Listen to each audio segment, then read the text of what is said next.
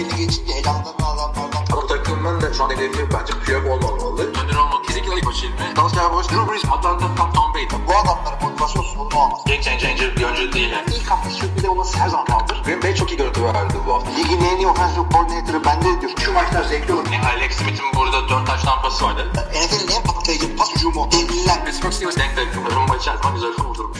İyi günler sevgili NFL TR Podcast dinleyicileri. Ee, podcast 248'e hoş geldiniz. Ee, bir yıldır e, sürdürdüğüm ayak oyunları ve e, çeşitli alaveralar karşılığını verdi. Kaan'dan sonra Hilmi'nin de ayağını kaydırdım. Artık podcast benim. Ee, Görkem'le birlikteyiz bu hafta. Ha, hoş geldin Görkem. Hoş bulduk, merhaba. Ee, Görkem'i zaten hepiniz yakından tanıyorsunuz. Ee, Kendisi de benim gibi podcast'te e, yer alan biri ve e-sportta da e, gerek programda gerek maçlarda dinleme fırsatı buluyoruz. Ee, Kaan'ın zaten hani Kanada'da işleri çok yoğun ve sıkı bir haftadan geçiyor. Aynı şekilde Hilmi de Ankara'ya döndü. İşte çocukların okulu e, işle ilgili angajeler ve biraz da böyle özel e, yaşantısıyla ilgili e, yoğun bir döneme girdi diyelim. O yüzden e, bu podcast'in moderasyonu bana kaldı. E, Görkem de sağ olsun kırmadı geldi. E, ne diyorsun Görkem haftanın olaylarına girelim mi? Yavaştan. Girelim abi sonuçta artık senin podcast'in. Sen ne dersen onu yapacağız. O, bu arada helal olsun. Ben o kadar konuk olarak geldim. Bunu başaramamıştım. Seni tebrik ediyorum. İşte uzun ve meşakkatli bir Sistematik. Tabii. Böyle şey iğneyle kuyu kazmak gibi. ee, brick by brick diyorsun. Tabii tabii tabii. Kısa vadeli düşünmeyeceksin. ee, şimdi biliyorsun e, takas hamleleri oldu bu şey bitmeden önce trade deadline bitmeden önce senin en çok gözüne çarpan konuşulmasını istediğin hamleler nelerdi?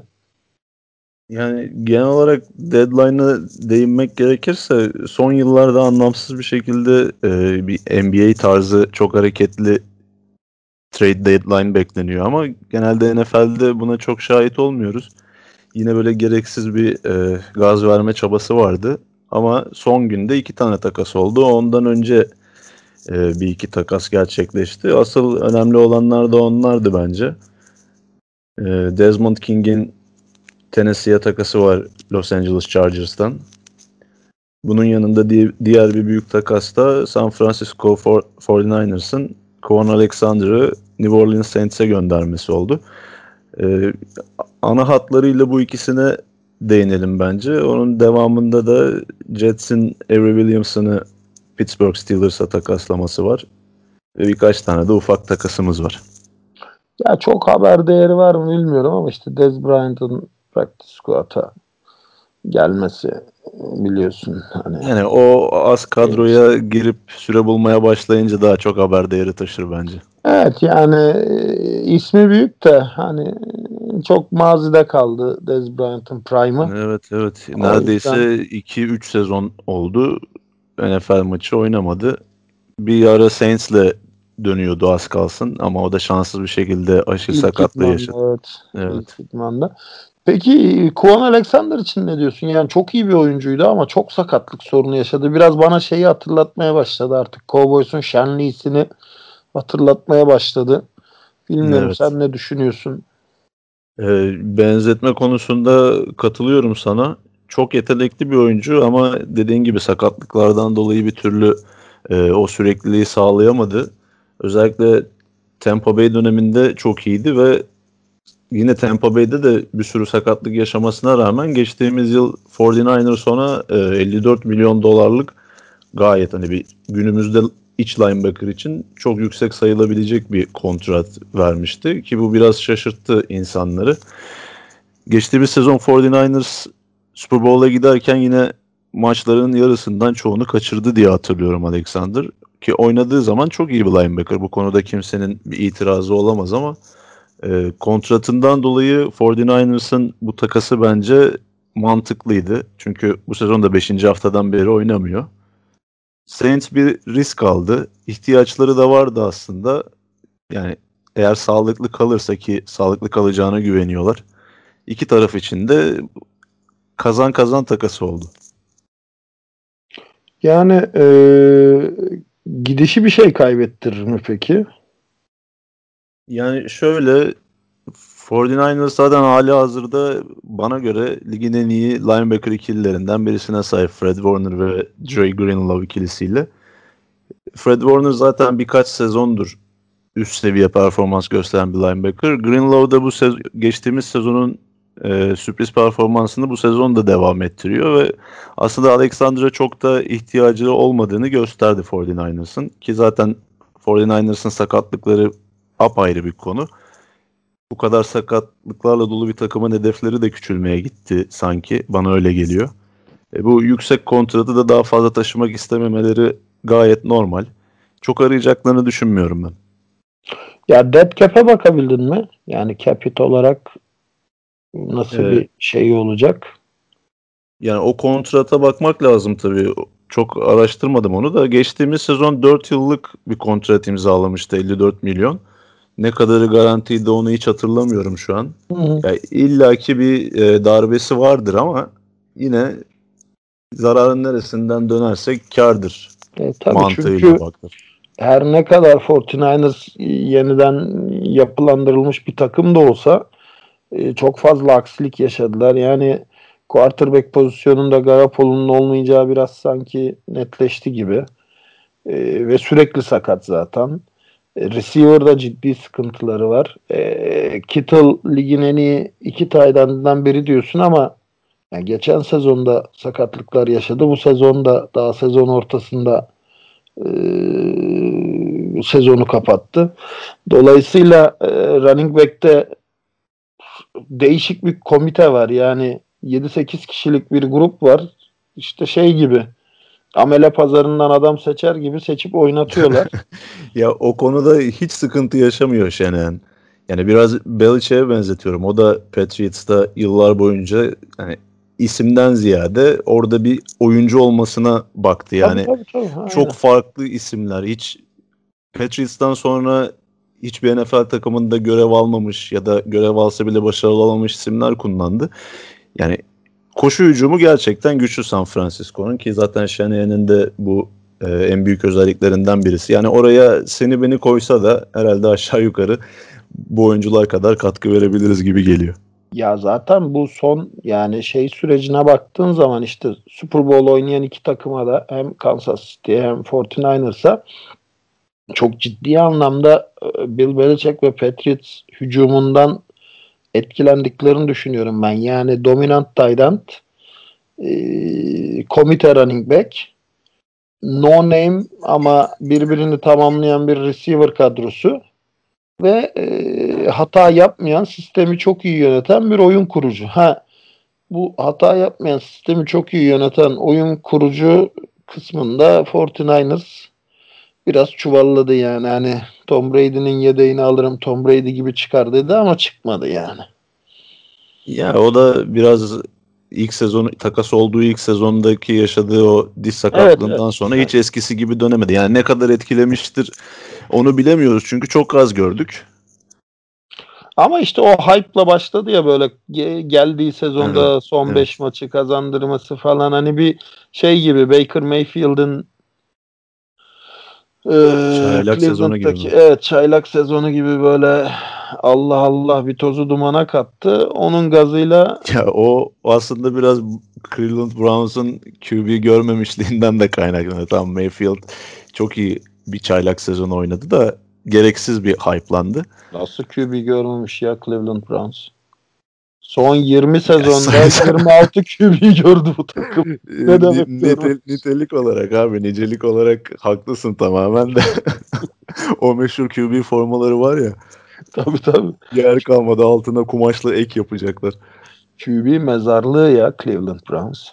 Ya geçen onunla alakalı bir istatistik vardı. İstatistiği tam hatırlamıyorum da Baker Mayfield şimdiden Browns tarihindeki çoğu rekoru ele geçirmiş. Yani çok zor olmasa gerek. Eğer Ravens tarihine yani Baltimore'a giden tarihi bir kenara koyarsak. Ravens da zaten çok hani QB konusunda e, şimdiki Lamar Jackson'a kadar yüzü gülen bir takım olmadı ki. Yani zaten u- uzun bir süre Flacco vardı. E, Flacco'dan önce de Bir, bir dönemde başarılı oldu diyebiliriz. evet, evet. Elit demesek de. yani kendi elit olduğunu iddia ediyordu bir ara da. Yani şu an artık utanıyor mudur? Şu an artık ben Josh McCown'a evrilme yolunda emin adımlarla ilerliyor diyorum Flacco için ya. O bile zor abi ya. Yani. E, Peki şey var mı başka bir hani e, Covid oyuncular genelinde devam ediyor. Ee, Baltimore Ravens'ı çok vurdu.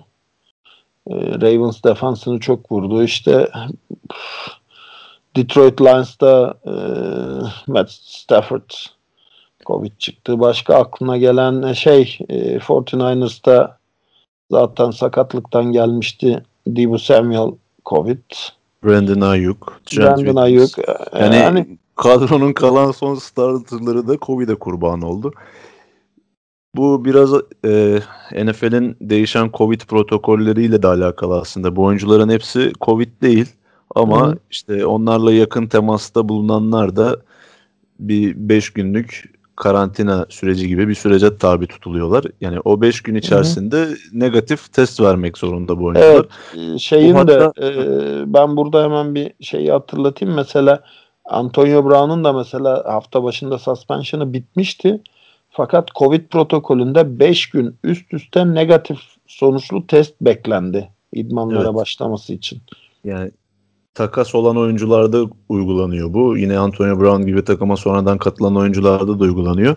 Bu ilk olarak e, Raiders'ın başına geldi hatta. Tampa Bay Buccaneers karşılaşması öncesinde e, right tackle Trent Brown'un testi pozitif gelince bütün offensive line ve onlara e, o süreçte yakın bulunan Jonathan Abraham, Jonathan Abram bu 5 günlük sürece tabi tutulmuştu. Bu arada yakın bulunmayı da nasıl şey anlat istiyorsan hani ruhen yakın bulunma değil yani Fiziken sosyal mesafeyi koruma, korumayanlar. Ee, bunlar şey takıyorlar, e, bileklik takıyorlar ve belli bir mesafe içinde kimle etkileşimde olduysa oyuncular onun şeyi e, çizelgesi çıkıyor.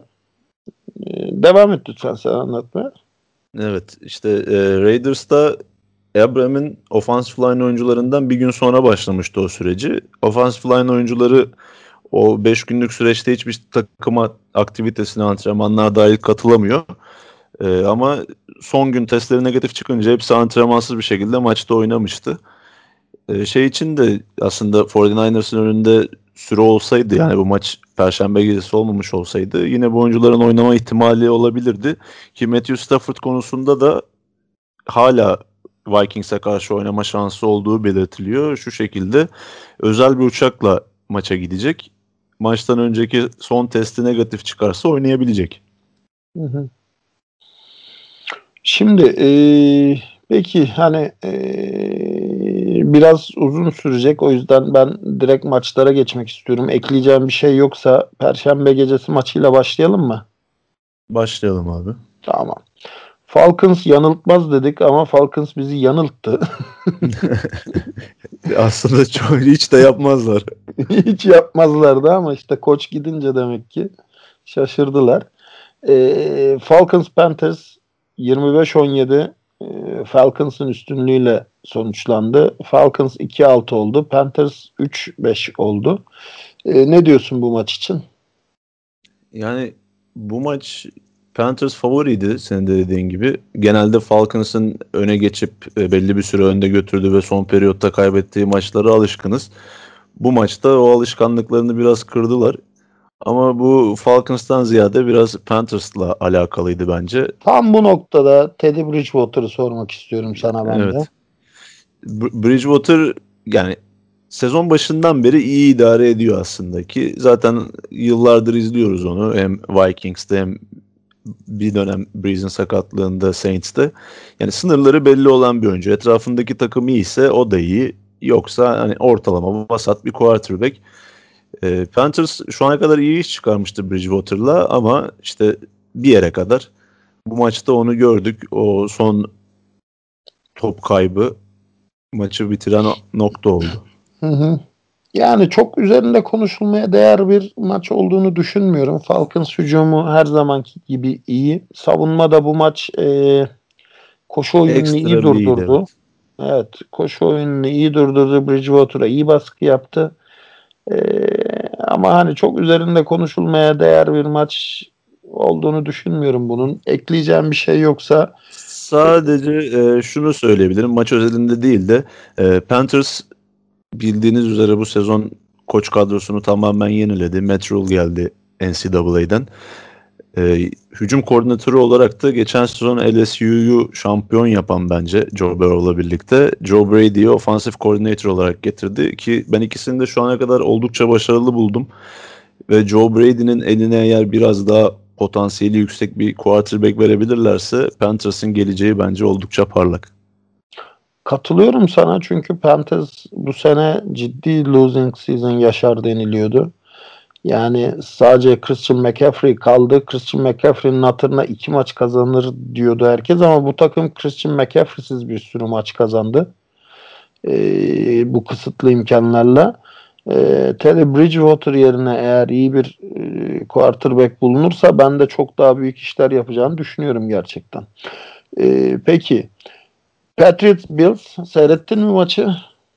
Ee, o maçı seyredemedim çünkü Seattle 49 Seattle San Francisco 49ers maçı anlatacaktım Esport'ta. Yoldaydım o sırada. Yani bütün maçlara az az bakabildim. Biraz Red Zone izledim yolda. Onun Bu dışında arada da özet... arkadaşlar Görkem yoldaydım diyorsa harbiden yoldadır. Çünkü kanala gidip gelmesi 2 saat sürüyor yani. kesinlikle İstanbul'da yani İstanbul'da yaşıyorum aslında ama ne kadar İstanbul denirse. O yüzden yani gerçekten bunu bilin. Büyük fedakarlıklarla e, sportta yayın yapılıyor. E, yani e, motivasyonu yüksek tutuyoruz ki bu çileye katlanılabilsin. Ben bu maçı seyrettim. Patriots şaşırtıcı derecede yani her ne kadar geriden gelse de şaşırtıcı bir şekilde maçı bitirdi. 24-21 bitti maç. Yani field goal range'in içindeydi. E, son saniyelerde e, zamanı da varken touchdown denediler ama onu da o kadar saçma bir şekilde denediler ki yani böyle e, bir e, running back koşusunun üstüne Cam Newton'ın işte bir delay gibi bir koşusuyla e, biraz yard kazanılmışken Cam Newton Super Bowl performansını aratmayan bir şekilde fumble yapıp topun üstüne atlamayınca maç bitti. Halbuki yani field goal vurulsa uzatmaya gitse belki maçı alacaktı. Çünkü bu maç Patriots için çok önemliydi. Division rakibi Bills zaten hani o division'ın ne kadar e, şey olduğunu biliyoruz bu sene. Patriots düşünce. E, bu durumda Bills 5-3 olacaktı ve Patriots 3-5 olarak Division'da bir şans bulma e, fırsatı yakalayacaktı ama olmadı. E, Cam Newton'ın fumble'ıyla alan golüyle maçı uzatmaya götürme e, olasılığı da yok oldu ve yani 24-21 kaybetti maçı. E, bu maç genelinde değil de Patriots ve Bills genelinde hatta quarterbackler e, Allen ve Newton genelinde söyleyeceğim bir şey var mı? Yani Patriots aslında sezona Cam Newton'un da biraz rüzgarıyla beklenenin biraz daha üzerinde başladı bence. Çünkü Cam Newton o son hatırladığımız Panthers dönemine kıyasla oldukça iyi gö- gözükmüştü. Ama işte Covid pozitif ardından birkaç maç kaçırıp döndüğü zaman yine eski Panthers'taki son sezonu görüntüsüne döndü. Yani Patriots'ta sıkıntılar büyük. Çünkü Cam Newton'la olmayacak gibi daha uzun bir sezon olsa da yedekleriyle hiç olmayacak gibi.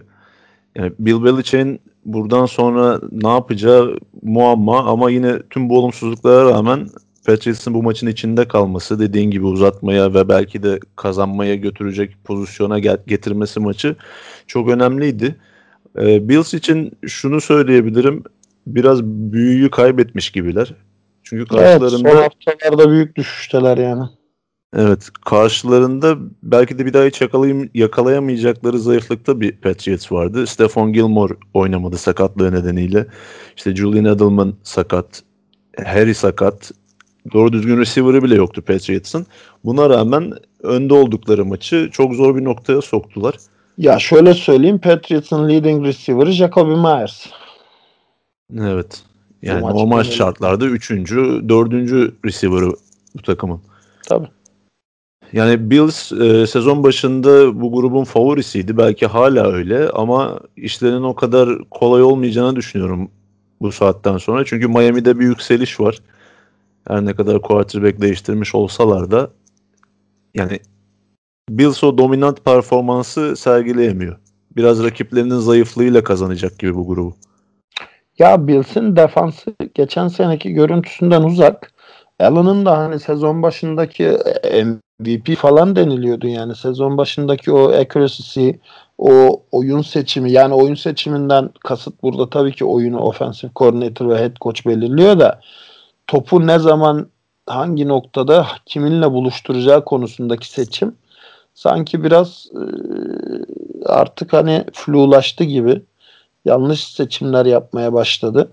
Son 3 haftadır zorlanıyor Bills. Ee, perfect gidiyorlardı zaten. iki maç kaybettiler. İki maçı da çok zor kazandılar zayıf rakiplere karşı. Görece zayıf rakiplere karşı. Ee, dolayısıyla Patriots'ın bir ihtimal hani cılız bir şansı vardı yarışa ortak olma şansı. O da Cam Newton'un fumble'ıyla ee, çok hani artık kayboldu diyebiliriz herhalde. Yalan olmaz yani. Yani bu yine Bills çok büyük favori bu grupta hala. Ama işte Dolphins belki ilerleyen haftalarda eğer Tua Tagovailoa biraz e, NFL'e ay- ayak uydurabilirse yani o adaptasyon sürecini çabuk aşarsa Bills'e rakip olabilecek gibi duruyor. Onun dışında Jets'ten zaten bahsetmeye çok gerek yok. Patriots'ın da Hala na galip tek takım ligdeki. ki maç kazanmaları çok hani ufak çaplı bir mucize olur bu sezon öyle gözüküyor. Peki gelelim bence haftanın en güzel maçlarından birine. Yani eee, 2019 playofflarının en sürpriz başarılı takımı Titans. Bu sezonda çok iyi gidiyordu. Hatta iki hafta öncesine kadar perfectti. Eee, 2019'un en zayıf takımlarından Bengals'la karşılaştı. Ve e, Cincinnati Bengals Tennessee Titans'ı 31-20 mağlup etti ve bunu yaparken de Joe Mixon yoktu. Receiver kadrosundan hemen hemen hiç kimse yoktu. Yani AJ Green'ler, e, Ross zaten hani hem sakat hem ıskartaya çıkar, çıkartıldı. Taydentleri sakattı. Bildiğin yani Giovanni Bernard'la falan aldı bu maçı. Henry'i de durdurdular. E, Ryan Tannehill'i de AJ Brown'u da durdurdular. Ve net bir skorla e, 31-20 maçı aldılar. Nedir bu maçla ilgili görüşlerin Görkem? Yani kesinlikle haftanın sürprizi oldu bu karşılaşma. Ama Bengals zaten bu e, ışığı yani bunun sinyallerini birkaç haftadır veriyordu. Ama bu kadar kısıtlı kadroyla yani şaşırt ya beni çok Yani, şaşırttı. Mixon evet. yok, Green yok. Hani hani tamam Green eski formunda değil dersin de ya Giovanni Bernard neredeyse Derek Henry'i gölgede bıraktı yani bu maç. Evet yani yetenek pozisyonları açısından öyle gerçekten çok eksiklerdi ve buna ek olarak da ligin en kötü offensive line'larından birine sahip olduklarını da unutmayalım Bengals'ın. Lütfen o konuda Dallas Cowboys ya şey olarak yani normal şartlarda şu an Evet. Cowboys'un iki tane starter tackle'ı sezonu kapatmış durumda ama Evet. yani normal şartlarda baktığımız zaman Bengals bayağı kötü bir offensive line'a sahip. Center da bu arada sezonu kapattı. Looney de sezonu kapattı. Evet. Yani dediğim gibi Bengals bir önceki hafta Cleveland Browns'u, ondan önceki hafta ligin yine güçlü takımlarından Indianapolis Colts'u son topa götürmüştü. Bunun sinyallerini biraz verdiler aslında. Ama yine de dediğin gibi Titans iki hafta öncesine kadar namağlup bir takımdı. Kazanmaları sürpriz oldu. Ama işte Titans'ın da bu noktaya gelene kadar çok ikna edici galibiyetler almadığından da bahsetmek lazım. Tamam iyi takımları yendiler ama o dominant performansı göremedim ben açıkçası. Yok ki... hatta şey gibi oldu biraz. Rabel'ın böyle son çeyrekte şapkadan tavşan çıkartmalarıyla falan oldu yani çoğu Kesinlikle biraz Bill Belichick'ten öğrendiği akıl oyunlarını falan uyguladı. Yani Tennessee zaten ligin e, açık ara en kötü third down savunan takımı. Buna ek olarak da çok kötü bir pas savunmasına sahipler. Bir de Vic Beasley'i bıraktılar biliyorsun. Evet. Yani Clowney o beklenen katkıyı veremiyor. Büyük ya Clowney sana şunu soracağım. Yani Clowney ben de yani çok büyük bir hype'la geldi biliyorsun. Yani Miles Garrett'ten önceki Miles Garrett'ti. Bosa'dan önceki Bosa'ydı. Yani generational talent falan olarak geldi ama zaten gelir gelmez ilk sene ben oynamayacağım demesi falan. Ee, ondan sonra da e, yani J.J. Watt Clowney ikilisi ortaya da son sezonunda biliyorsun şeyi aldılar. E, Vince Wilfork aldılar. Ona rağmen beklentilerin çok altında kaldılar. Yani Clowney biraz o hype'ın hakkını veremedi dersek başımız ağrımaz herhalde ya. Yani kesinlikle öyle. Hatta çok büyük bir bast olduğundan da bahsedebiliriz. Çünkü ne olursa olsun birinci sıra seçimiydi bu oyuncu ve dediğin gibi generational talent olarak yani 10 yılda bir 20 yılda bir gelecek bir pass rusher olarak gösteriliyordu. Ha çok kötü bir oyuncu değil hala ama değil değil. Ben onu Tank Lawrence'a benzetiyorum. Yani fazla overpaid, over şey e, underdog'un tam tersi yani. Hani hatta yani asıl hayal kırıklığı yaratan şu oldu. Clowney bir pass rusher olarak geldi ama pass rusher'dan ziyade bir run stopper'a dönüştü. Yani hı hı. tamam kolejde de en büyük özelliği koşuya karşı çok güçlü olması. O e, setting the edge olayını çok iyi uygulayabilmesi. Yani klasik Contain eski bir Contain evet çok... evet e, eski tarz bir defensive end'ti. Yani onu outside linebacker olarak sahip olduğu kumaştan dolayı oynatabileceklerini düşündüler. Çünkü fizikli ve oldukça atletik bir oyuncu. Ama o pass rusher özelliklerini bir türlü istenilen seviyeye getiremedi. He, ne yapıyor mesela? End'de değil de tree teknik olarak yani defensive tackle'ı pass rusher olarak koydukları zaman büyük bir mismatch yaratıyor. Kabul. Ama bunu bütün maçın geneline yayamazsınız. Kaldı ki yani neticede takım biraz da bütçe işi. Hep çok büyük paralar aldı. Hep çok büyük paralar istedi. Ve son zamanlarda hani hep böyle şey Super Bowl kovalayan playoff garantili takımlarda e, kendine yer edinmeye çalıştı. Edindi de ama şu an hani Titans mı Clowney'i taşıyor, Clowney mi Titans'ı taşıyor dersen Titans Clowney'i taşıyor yani. Ya aslında bunun yani çok böyle uzun uzadıya konuşmaya da gerek yok şu açıdan. Çünkü e, Clowney Seattle Seahawks'a takas olmuştu geçtiğimiz sezon. Sadece bir sezonun ardından Seahawks onu tutmak için hiçbir şey yapmadı. Ki baktığımız zaman Seahawks da belki de ligin en kötü pass rush'a sahip takımlarından birisi şu an. Ona rağmen Clowney'i tutmadılar. Yani Ama o bence çok şey anlatıyor. Onda şey de vardı biliyorsun. Clowney bu Tennessee Titans kontratına razı olana kadar ben 20 milyonun altı biraz Kaepernick gibi böyle kendine bir hayali bir limit belirlemişti. E, kontrat limiti ve o limitte diretmişti. Zaten o yüzden hiç kimse almadı. Artık en son böyle açıkta kalmamak için hani biraz da playoff başarısı göstermiş olan ve hani playoff umudu yüksek olan o zaman çok iyi gidiyordu. Hani Titans'ın çok iyi bir hype'ı vardı. Biraz da o hype'la düşük bir kontrata ikna oldu. Yoksa daha ucuz bir kontrat isteseydi muhtemelen alırdı diye düşünüyorum. Yani ya hala kesin, bir ismi var evet, çünkü yani. E, kesinlikle. Zaten yani pazarlık olarak kullandığı tek şey ismiydi. Hı hı, aynen. Yani, sahada yaptıklarına baktığımız zaman kesinlikle o paraları alacak bir adam değil ama gerek işte pass rusher piyasasının e, görece zayıflamış olması hem de ya her Clowney ismi. kontrat verdi. Açıkta evet. da iyi bir pass rusher kalmadı açıkçası markette yani. Bir de sakatlığı da vardı. O da biraz takımları korkutmuş olabilir. Ama sonuçta bast olmuş bir oyuncudan bahsediyoruz. Peki gelelim senin takımına. Ne yaptı senin takımın öyle ya?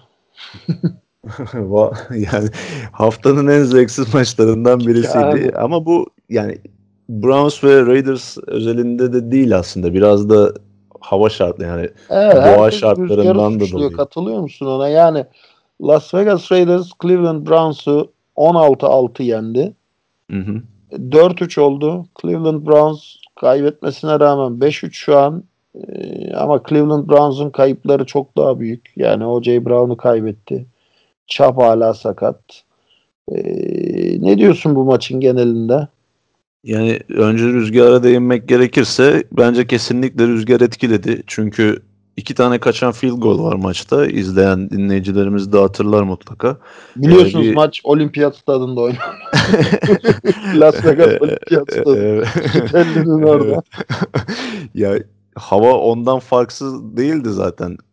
Tam da yani işin enteresan tarafı o bölgede yani o Cleveland, işte Ohio, o civar ve işte Wisconsin o bölgelerdeki bütün takımlar aynı saatte ev sahibiydi ve çoğu maçta aslında bu sıkıntı yaşandı. En yüksek Cleveland'daydı. Yani iki tane kaçan field goal var. Tamamen rüzgarın topu havada çevirmesinden kaynaklı. Birini Browns kaçırdı, birini Raiders kaçırdı. Hı hı. Ki zaten istatistiklere de baktığımız zaman Raiders'ın çok büyük oranda koşuyu tercih ettiğini görüyoruz. Josh Jacobs 30 küsür top taşıdı. Devante Booker da yine normalde gördüğünden daha fazla top gördü. Yani eski usul bir maç izledik diyebilirim. Ya Browns hücumundaki bu düşüşü sadece Odell Beckham Jr.'a bağlayabilir miyiz? Yok bağlayamayız çünkü bana kalırsa Odell Beckham o ofansı zaten e, bir miktar daha geri çeken bir oyuncuydu. Çünkü Beckham buraya bu takıma takas olduğundan itibaren sürekli onu e, dahil etmeye çalıştılar o yapıya. Ama bunda e, çok da başarılı olamadılar. Zaman zaman sırf Beckham'a istediği topları atabilsinler diye pozisyonları zorladığını gördük. Hem Mayfield'ın hem de hücum koordinatörlerinin. O açıdan yani tabii bir maç oldu Beckham'ın sakatlığından sonra. Bu çok sağlıklı bir yorum olmaz ama Hadi koş. Ben çok e, sıkıntı yaşayacaklarını düşünmüyorum. Niye? Ya ben burada Odell Beckham genelinde şuna değinmek istiyorum. Odell Beckham biliyorsun hani New York Giants'ı da karıştırmıştı son senesinde. Eli Manning bana yeterince pas atmıyor. Hani ben iyi kullanılmıyorum falan diye. Biraz sanki yani Mayfield üzerinde de böyle bir baskı oluşturdu geldiği dakikadan beri ve hani e, Odell Beckham oyundan çıktığından sonra geçen hafta e, Mayfield da daha iyi oynadı gibi yorumlar da geldi. E, o konuyla ilgili de görüşlerini almak istiyorum aslında. Ben tama tamamen katılıyorum buna. Çünkü geçtiğimiz sezonda Odell Beckham'ın sakatlığı nedeniyle kaçırdığı bir miktar maç vardı o maçlarda da mesela Browns hücumu daha fonksiyonel, işte daha verimli gözüktü. Bir kere elinizde Jarvis Landry gibi bir receiver var. Beckham sahada olduğu zaman onu daha az kullanıyorsunuz. Çünkü belli bir miktardaki topu Beckham'a atmak zorundasınız onun o e, diva karakterinden dolayı. Yani dediğin gibi geçtiğimiz hafta buna çok güzel örnek. Landry daha fazla top aldı. Hücum daha iyi işlemeye başladı. Yani benim düşüncem Browns hücumunun daha iyi olacağı Odell Beckham'sız. Ee, peki bir defans takımı daha Indianapolis Colts Detroit Lions'ı 41-21 yendi. Çok ciddi e, hatalara sürüklediler Matthew Stafford'ı. Çok fazla turnover oldu ve defans yani çok dominanttı bu maç. E, Philip Rivers burada tam hani kendisinden beklenileni yapıyor. Game manager gibi oynuyor ve 5-2'ler şu an. Yani bir playoff şansı ya da playoff'a çıkma durumunda başarı ihtimali nedir sence Indianapolis Colts için ve Detroit Lions genelinde ne düşünüyorsun? Onlar da 3-4'ler hala yarıştan kopmadılar. İki takım için de ben görüşlerini almak istiyorum. Yani Lions'ın işi zor aslında çünkü e, NFC konferansı bu sezon büyük ihtimalle Batı grubundan en az 3 tane playoff takımı çıkartacak. Yani bu da şu demek oluyor. Diğer konferanslardan konferansı kazanamamışsanız eğer büyük ihtimalle playoff dışı kalacaksınız ki Lions da e, burada Bears ve Packers'ın oldukça gerisinde. Hatta Vikings'in galibiyet olarak önünde olsalar da oyun olarak bence Vikings'in de gerisindeler. Yani o yüzden Lions'tan çok bir beklentim yok.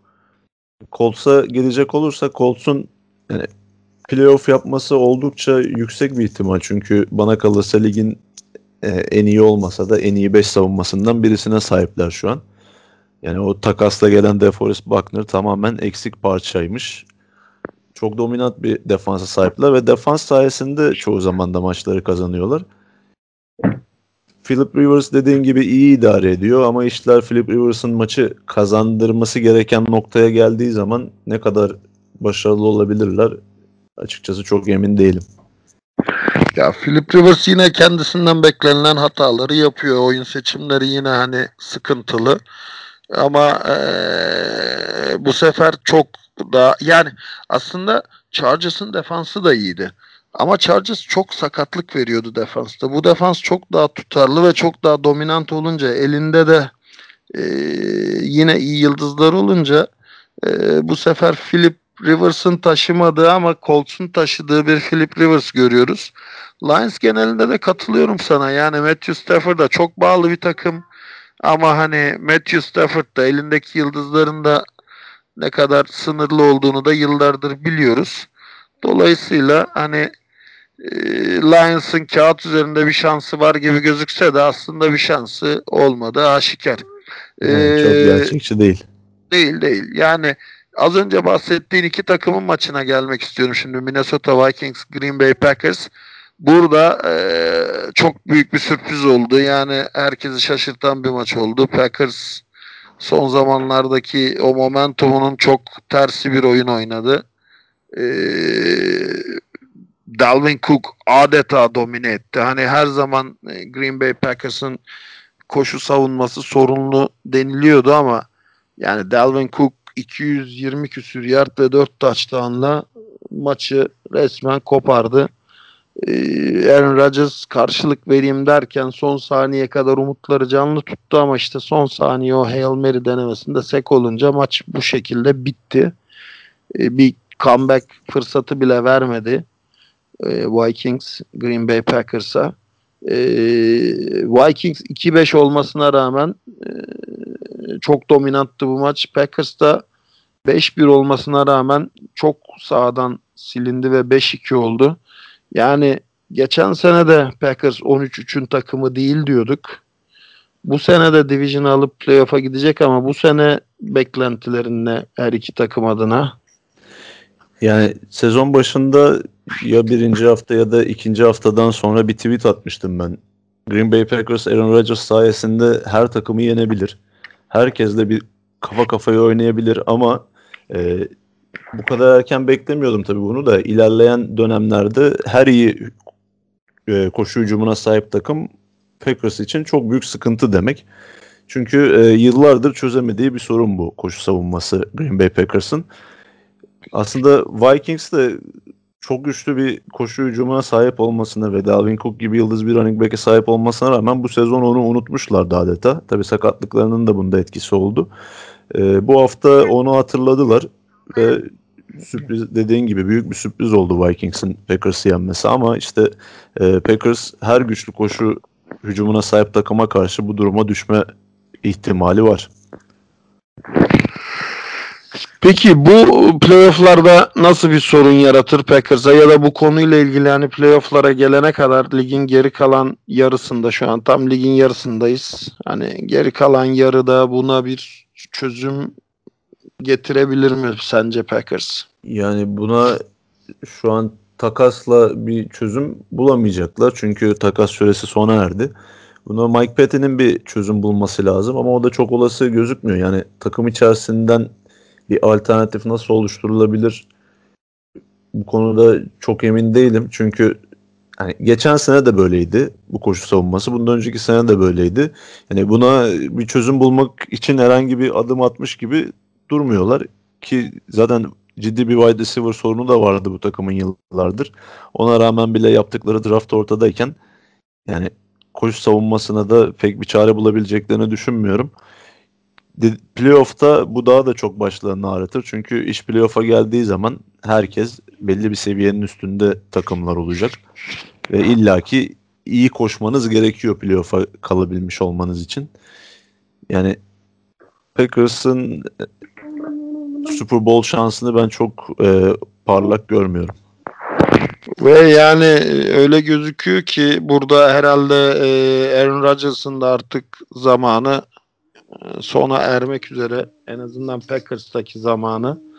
Çünkü sene başında işte o draftla birlikte e, çok farklı beklentileri vardı Aaron Rodgers'ın ve Green Bay Packers taraftarlarının ama takım yönetine yönetimi apayrı bir e, yol seçip hani Rodgers'ın etrafını e, zenginleştireceğine e, Rodgers'ı yani koltuğundan edecek diyelim ya da yerini alacak oyuncuyu seçme yoluna gitti. E, bu da aslında hem taraftarlarda hem Rodgers'ta bir hayal kırıklığı yarattı ki şu an çok ciddi sıkıntı yaşıyorlar özellikle skilled position'da. E, ben de çok e, parlak görmüyorum Packers'ın geleceğini yani e, geçen seneki ve bu seneki regular season başarısını yine hani e, playofflarda sürdürebileceğini düşünmüyorum. Vikings'in peki önümüzdeki sene için artık hedefleri neler olmalı? Yani Vikings bu sezon yine playoff mücadelesi verir bana kalırsa. Çünkü önlerinde 2-5'ler ama biraz, şu an. Şu an 2-5'ler ama önlerinde gayet kazanılabilir 5 tane maç var. Yani o 5 hafta sonucunda 7-5 olmaları yani çok uzak bir ihtimal değil. Eğer koşu savunma koşu hücumunu yeniden e, hücumun ana noktası haline getirirlerse. Ha tabii NFC'de bu saatten sonra playoff yapmaları biraz zor olacak. Belki tren çoktan kaçmış olabilir. Ama o sezon başındaki görüntünün biraz daha uzağında bitireceklerini düşünüyorum. Anladım. Ee, sıradaki maç ben de senin gibi düşünüyorum. O yüzden e, çok uzatmayacağım. Sıradaki maç e, NFL'in en kötü hücumu ve yani en kötü takımıyla en iyi hücumu ve en iyi takımı olarak kabul edilen iki takımın maçıydı. E, New York Jets Kansas City Chiefs karşısında sadece 3 tane alan golü bulabildi. Ee, Patrick Mahomes 5 tane touchdown ile 35-9 e, bu maçı süpürdü. Chiefs 7-1, Jets 0-8. Bu maç genelinde konuşmaya gerek yok ama bu iki takım için artık hani ligin geri kalan yarısındaki tahminlerini almak istiyorum. Yani Jets için dediğim gibi çok bir tahmine de gerek yok aslında. Çünkü e, daha önce de söylediğim gibi bu, bu takımın bu şartlarda maç kazanması gerçekten çok zor. Yani bayağı bir gezegenin sıralanması gerekecek. Ki zaten maç kazanmak gibi bir niyetleri de yok bana kalırsa. Yani hem kadroyu boşaltıyorlar bir yandan. Birkaç tane kilit oyuncularını takasladılar Le'Veon Bell'dan sonra ki ondan zaten hani ne kadar kilit oyuncu olarak bahseder, bahsetmek mantıklı olur bilmiyorum. Ama sonuç olarak Jets'in maç kazanacak ne gücü var ne de hali var. Onlar için en büyük hedef birinci sırayı alarak artık e, yeniden yapılanma butonuna çok kısa bir süre içerisinde tekrar basmak olacak. E, Chiefs içinse bu sezonun yine en büyük şampiyonluk adayı. Çünkü Patrick Mahomes'a sahipler ve Mahomes gerçekten herkesi yenebilecek kapasitede bir quarterback. Ancak geçtiğimiz sezonki kadar dominant olamayacaklarını düşünüyorum. Çünkü bu sezon bu, bu maç ondan uzak olsa da birkaç tane çok zorlandıkları ve yenilmenin eşiğine geldikleri maç vardı. Yine Mahomes sayesinde kazandılar. Yani takımlar biraz daha çözüyor ama işte Mahomes'a bir çözüm bulamıyorlar. Yine Super Bowl'da izlememiz muhtemel bu takımı. Ee, ben de senin gibi düşünüyorum. Yani ee, o yüzden yani daha fazla konuşmaya gerek yok. Zaten Jets karşısında alınmış bir galibiyet yani. Ee, Rams Dolphins Dolphins defansı muhteşem oynadı. Special team'de defansta yani Tua'nın ilk maçı ve Tua kazandırdı gibi bir şeye hiç girmeyeceğim. Direkt 88 yard punt return mü istersin? Interception'dan touchdown mı istersin? Fumble return'dan birinci yarda getirilen toplar mı istersin? Yani bu maç resmen Dolphins defansının e, Jared Goff'u evire çevire dövdüğüne tanık olduk. Yani Ee, Brian Flores, Sean McVay'i ikinci kez mat etti diyebilir miyiz? Diyebiliriz. Kesinlikle diyebiliriz. Yani muhteşem oynadı Dolphins defansı. Tua genelinde sana sormak istediğim bir şey var. Yani e, Tua'nın bu performansı sence e, elinin soğuk olmasından mı yoksa hani bu çocuk o hype'ın altında eziliyor mu? Yani şu an Tua için konuşmak bence çok erken çünkü çok ciddi yani kariyerini bitirebilecek bir sakatlığa rağmen futbola geri döndü ve ilk maçını oynadı. Yani bir, aşağı yukarı bir senedir eline top almamış bir oyuncudan bahsediyoruz antrenmanları saymazsak. Ki NFL'e alışması biraz zaman alacak. Onun da şansını ilk maçını Rams'e karşı oyna- oynadı. Yani izleyenler de bilir ilk daha ilk pas denemesinde Aaron Donald'la tanışma fırsatı yakaladı ve fumble yaparak topu kaybetti. Yani talihsiz bir başlangıç yaptı. En büyük şansı dediğin gibi defans oldu bu maçta. Yani Tua'nın ben yeteneğine güveniyorum. Biraz daha işte NFL hızına alıştıkça çünkü çaylak quarterback'lerin hepsinin söylediği bir şey var. Yani ne kadar çok maç oyna, oynadıkça o oyunun hızına alışıyorlar. İşte oyunu takip edebilme, savunmayı okuyabilme. Bunların hepsi maç oynadıkça kazanılan şeyler. Ama e, Dolphins için şunu söyleyebilirim. Brian Flores gerçekten e, bu sezon yani şu- eğer sezon şu an bitse bana kalırsa yılın koçu olması gereken isim. Geçtiğimiz sezon bu takımın başına getirildi. New England Patriots'ın savunma koordinatörüydü daha önceden. Ve geçtiğimiz sezon herkes yani Miami Dolphins geçtiğimiz sezon bu senenin Jets'i gibiydi. Kimse maç kazanmalarını beklemiyordu ve drafta yatıp Tua'yı almalarını bekliyorlardı birinci sıradan ki bu Tua sakatlanmadan önceydi. Ama Brian Flores o yetenek fakiri kadroya rağmen muhteşem bir iş çıkardı geçen sene. Ve bu sene de üstüne koyarak devam ediyor. Dolphins savunması bu sezon ligin en az sayı savunması ve açık ara en iyi 3. down'u yani 4 down'u savunan savunması. Bunlar gerçekten çok büyük gelişimler. Peki e, Tua genelinde şunu sormak istiyorum. Yani e, Fitzpatrick bu kadar formdayken ve bu kadar takımı iyi götürüyorken sezonun ortasında bu ani değişikliğe gerek var mıydı?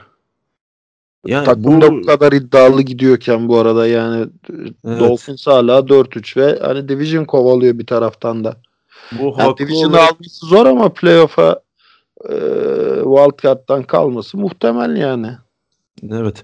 Ya bu insanların haklı olarak eleştirdiği bir konu. Fitzpatrick çünkü gayet iyi idare ediyordu o işi. Ama yani günün sonunda şuna bakıyor Miami Dolphins ki bence gayet de haklılar. Şimdi Tua Tagovailoa için ciddi bir yatırım yaptılar. Beşinci sıra hakkını harcadılar. İlk turdan seçtiler bir oyuncuyu ve e, potansiyeli gerçekten yüksek bir oyuncu. Şimdi Miami Dolphins'in bu sezon çıkabileceği en üst nokta belli. Yani bunun yerine Tua'yı geliştirmeye yoluna gittiler. Yani en azından belki şunu da görmek istiyor olabilirler. Tua'da biz neye sahibiz? Yani bu adam gerçekten bizim aradığımız quarterback mi? Bunu da görmek istediler ve Tua'nın ne kadar çabuk o seviyeyi atlayabileceğini de görmek istiyorlar. Bence bu yanlış bir karar değildi. Yani dediğim gibi playoff yapsalar bile en fazla bir tur oynayabileceklerdi. O açıdan ben çok da e, yanlış bir seçim olarak görmüyorum bunu. Ya bu konuyu biz ilmiyle de Kaan'la da konuştuk e, podcastlerde. Yani ben de senin gibi düşünüyorum. Benim bu konuyla ilgili tek soru işaretim Tua'nın sakatlığı. Yani dediğin gibi çok ciddi bir sakatlıktan döndü. Hatta belki bir daha hiç futbol oynayamayacak deniyordu. Geri döndü futbola. Şimdi hani e, gerçekten bu kadar iyileşti mi de sen bu çocuğu Aaron Donald'ın önüne atıyorsun. Yani bir tek tek çekince ama onun dışında ben de katılıyorum yani. Ee, gelelim Saints Bears maçına. New Orleans Saints zorlansa da ee, Chicago Bears'ı ee, 26-23 yendi. Saints 5-2 oldu. Bears da 5-3 oldu. 3 hafta öncesine kadar Bears namaluptu 5-0'dı. Üst üste 3 maç kaybetti. Burada da e, overtime'a gitti maç ve Lutz'ın 35 yardlık field golüyle sonuçlandı. E, bu iki takım genelinde ve bu maç genelinde söyleyecekleri neler? Yani Chicago Bears'ın zaten o namalup sezon başlangıcı biraz yanıltıcı bir başlangıçtı. Onlar da çok büyük oranda savunmayla maç kazanan bir takım. Ee, Mitch Trubisky'den Nick Foles'a döndüler 3. haftada ama yine hücum performanslarında çok da bir değişiklik olmadı bence. Yani o savunmayla herkesi yenebilecek bir takım görüntüsü veriyorlar. Ama işte iş biraz hücumun da katkı vermesi gereken noktalara geldiğinde o konuda sıkıntı yaşıyor Bears. Ki bu maçta aslında iyi de geri döndüler. Ama yani onların da çok ilerleyebileceğini zannetmiyorum. Biraz bana suni geliyor bu e, rekordları. Saints'e dönecek olursak Saints bana kalırsa yani değerlendirme yapmak için en zor takımlardan birisi. Yani bir taraftan bakıyorsunuz 5 galibiyette olması bu takımın yani çok mantıklı gelmiyor. Çünkü 5 galibiyet kazanacak şekilde oynamadılar şimdiye kadar. Ama öte yandan da çok kaliteli bir kadroları var. Yani şampiyonluk adayı belki kağıt üzerinde. Yani ama dediğim gibi Saints Super Bowl oynası da şaşırmam. Playoff'ta wildcard'da elense de ya da playoff'a kalamamış olsa da şaşırmam. Ki zaten yıllardır da bunu yapıyor biliyorsun yani. Evet. Ya bir de işte bir Michael Thomas mevzuları var. Evet Kim, o Michael kimsenin Thomas. iç yüzünü bilemediği. Yani bu adam sakat mı? Disiplin problemi mi var? Nedir yani? Bu arada Nick Foles genelinde de biraz daha böyle Robinson'la Mooney'le biraz daha hani şey hale gelmeye başladı. Çünkü e, Mooney mesela uzun rotalarda çok ıskalıyor. Du, bu maç biraz daha connection oluşturmaya başladı ama Chicago Bears'ın gerçekten hani ciddi bir running back sorunu var. O çocuk olmayacak bence. Sen de hani çok umutluydun onun hype'ından draft zamanı ama sen de galiba biraz şey ettin. Yani çok büyük bir yıldız olduğundan bahsedemeyiz tabii ama burada bence e, Bears'ın koşu hücumu sıkıntıları Montgomery'den ziyade biraz e, takımın coachingiyle alakalı. Çünkü koşuyu birden terk edebiliyorlar. Bir e, koşu şemaları yok doğru düzgün. E, bir biraz rastgele koşu hücumuna sahipler diyebilirim. E, tamamen suçu Montgomery'e atmak bence biraz haksızlık olur ama dediğin gibi yani öyle çok fark yaratacak bir oyuncu da değil. Ee, katılıyorum yani hani takımın da koşu karakteristiği yok yani bir koşu karakteristiği yok yani o konuda ciddi bir sıkıntı yaşıyor ama hani Montgomery'de yani Bears'ta değil de hangi takımda oynar dersen de aklıma bir şey gelmiyor yani başka bir takımda yıldız olur diyemiyorum yani. Yani ortalama bir running back. Ee, 49ers Seahawks maçında Seahawks 37-27 kazandı ama hani bu maçın geneli garbage time'dı. Ee, skor ne kadar yakın gözükse de e, dolayısıyla hani e, Seahawks 6-1 bir maç kaybetti ama e, Russell Wilson yine e, çok güzel oynadı. Bu maç daha çok DK Metcalf'a oynadı. Biliyorsun her maç bir receiver'ı parlatıyor. Bu maç o receiver DK Metcalf'tı. 49ers da e, dalgalı seyrine devam ediyor ama şu haftadan sonra herhalde büyük bir çöküşe girecek 4-4 zaten. E, o division'da e, çok yani NFC East'in tam tersi bir division. Şu dakikadan sonra bu maç özelinde dinamikler nasıl değişir sence? Yani bu 49ers'ın işinin artık bittiği maç oldu bence. Çünkü hem gerek Kittle'ın hem de Garoppolo'nun bu maçta sakatlanmasından ziyade çok önemli bir grup maçı kaybettiler. Yani sakatlıkların da etkisiyle bu saatten sonra çok da hani bir playoff yarışı içerisine girebileceğini zannetmiyorum 49ers'ın. Gerçi yine de e, karşılayan gibi müthiş bir hücum dehasına sahipler ve savunmaları o kadar eksiğe rağmen yine belli bir seviyede oynamaya çalışıyor. Ama iş e, yeteneğe geldiği zaman gerçekten çok zayıfladı. Yani Debo Samuel ve Brandon Ayuk'un olmadığı bir ortamda büyük Packers karşılaşmasında gö- test edeceğiz onu ilk elden. Yani pas hücumu konusunda neredeyse sıfır opsiyona sahipler artık. Yani practice squad seviyesinde receiver'larla oynayacaklar. Ya geçen sene de böyle bir e, şey olmuştu. Hatta benim geçen sene Fantez'de de playoff'a kalmamı sağlayan maçtı. E, Kittle'ın yedeği Dwally. Tayden çok iyi bir top tutma özelliği olan bir Tayden ama onun da işte Kittle gibi bir e, koşu bloğu şeyi yok.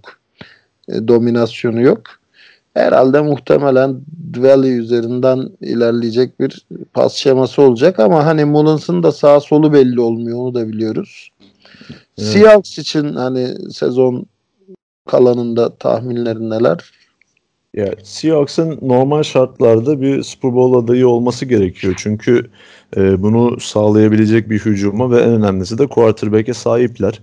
Ama onların da savunma konusunda çok büyük zaafları var. Gerek secondary'de olsun gerek e, defensive line'in pass rusher konusunda.